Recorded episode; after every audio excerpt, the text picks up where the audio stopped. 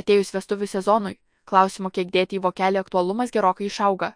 Vieni bando suprasti, ar dėl infliacijos reikėtų dovanoti daugiau, o gal prioritizuoti savo finansinį atsparumą ir rinktis kuklesnę dovaną.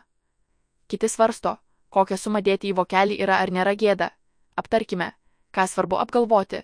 Įdant pavyktų išspręsti vokelio dilemą. Fiksuota suma neegzistuoja.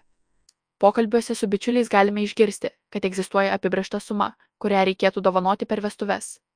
Štai Svetbank sukurtoje Facebook grupėje pinigai ir reikalai paklausėme jos dalyvių, kokią sumą, jų manimų, pora turėtų skirti savo draugų vestuvių dovanai vokelyje. Į klausimą atsakė daugiau nei vienas tūkstantis narių, kurių 65 procentai teigė, kad suma turėtų siekti 101-200 eurų. 19 procentų respondentų nurodė, kad į vokelį reikėtų įdėti 201-300 eurų. Dešimtadalis mane, kad užtektų ir iki 100 eurų siekiančios sumos, o didesnė nei 300 eurų sumą pasirinko 5 procentus apklausoje dalyvavusių grupės narių. Įdomu tai, kad 100-200 eurų siekiančią poros dovaną jaunavedžiams vestuvių planuotojai dažniausiai įvardijo ir pernai. Taigi, nors kylant kainom šventės brangsta, svečiai, panašu, yra linkę prioritizuoti savo finansinę sveikatą.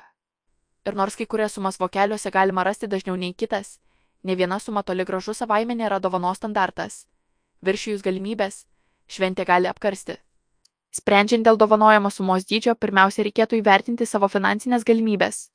Kas vienam gali būti nereikšminga suma, kitam - lėšos, kurių pakaktų ir reikėtų pragyvenimui visą savaitę, ypač smarkiai ūktelėjus kainoms. Šventė tikrai apkars, jei išleidė nemažai pinigų pasiruošimui bei dovanai, už vaišių stalo sėsite su mintimi, kad iki kito atlyginimo laukia įtempta finansinė situacija. Finansinio streso bus dar daugiau, jei per vasarą tokių švenčių. Ne viena.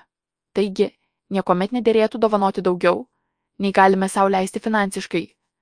Reikėtų ugdytis atsparumą ir tokiems pasakymams, kaip tokio dydžio suma dovanoti.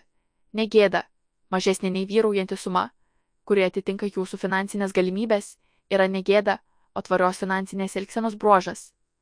Dovanojamos sumos dydis priklausys ir nuo to, kiek artimi yra į savo šventę kviečiantys bičiuliai ar giminaičiai.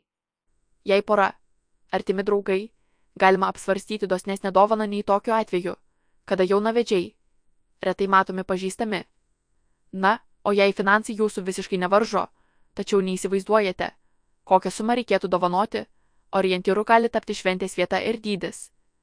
Jei vestuvės vyksta prabangioje vietoje, planuojama gausi pramogų programa, svečiams suteikiama nakvynė, vieno asmens dalyvavimo vestuvėse numanoma kaina galite laikyti dovanos dydžio sufleriu. Vokelis ne vienintelis būdas sveikinti.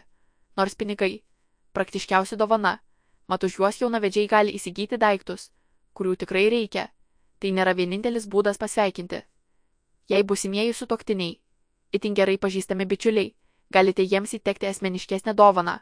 Renkant asmeninę dovaną prasminga atsižvelgti į poros pomėgius ir istoriją. Tarkime, jei pora susižadėjo keliaudama, oro linijų dovanų kuponas gali tapti puikia dovana naujiems atradimams ir smagiems nuotykiams. Arba galbūt žinote, kokiame koncerte jie labai nori apsilankyti, tačiau dar neturi bilietų. O gal jūsų draugai, meno kolekcininkai ir jums žinoma, kokio menininko darbą jie norėtų matyti savo bendruose namuose.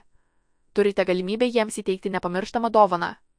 Jei tai brangus kūrinys, šią dovaną galite pirkti bendrai su kitais vestuvių svečiais. Galiausiai atminkite, kad kvietimas į vestuves yra noras pasidalyti naujo šeimos sukūrimo šventės džiaugsmu, o ne užkrauti jums finansinę naštą. Todėl visiškai priimtina dovanoti dovaną, kuri atitinka jūsų galimybės ir atspindi jūsų santykių su pora.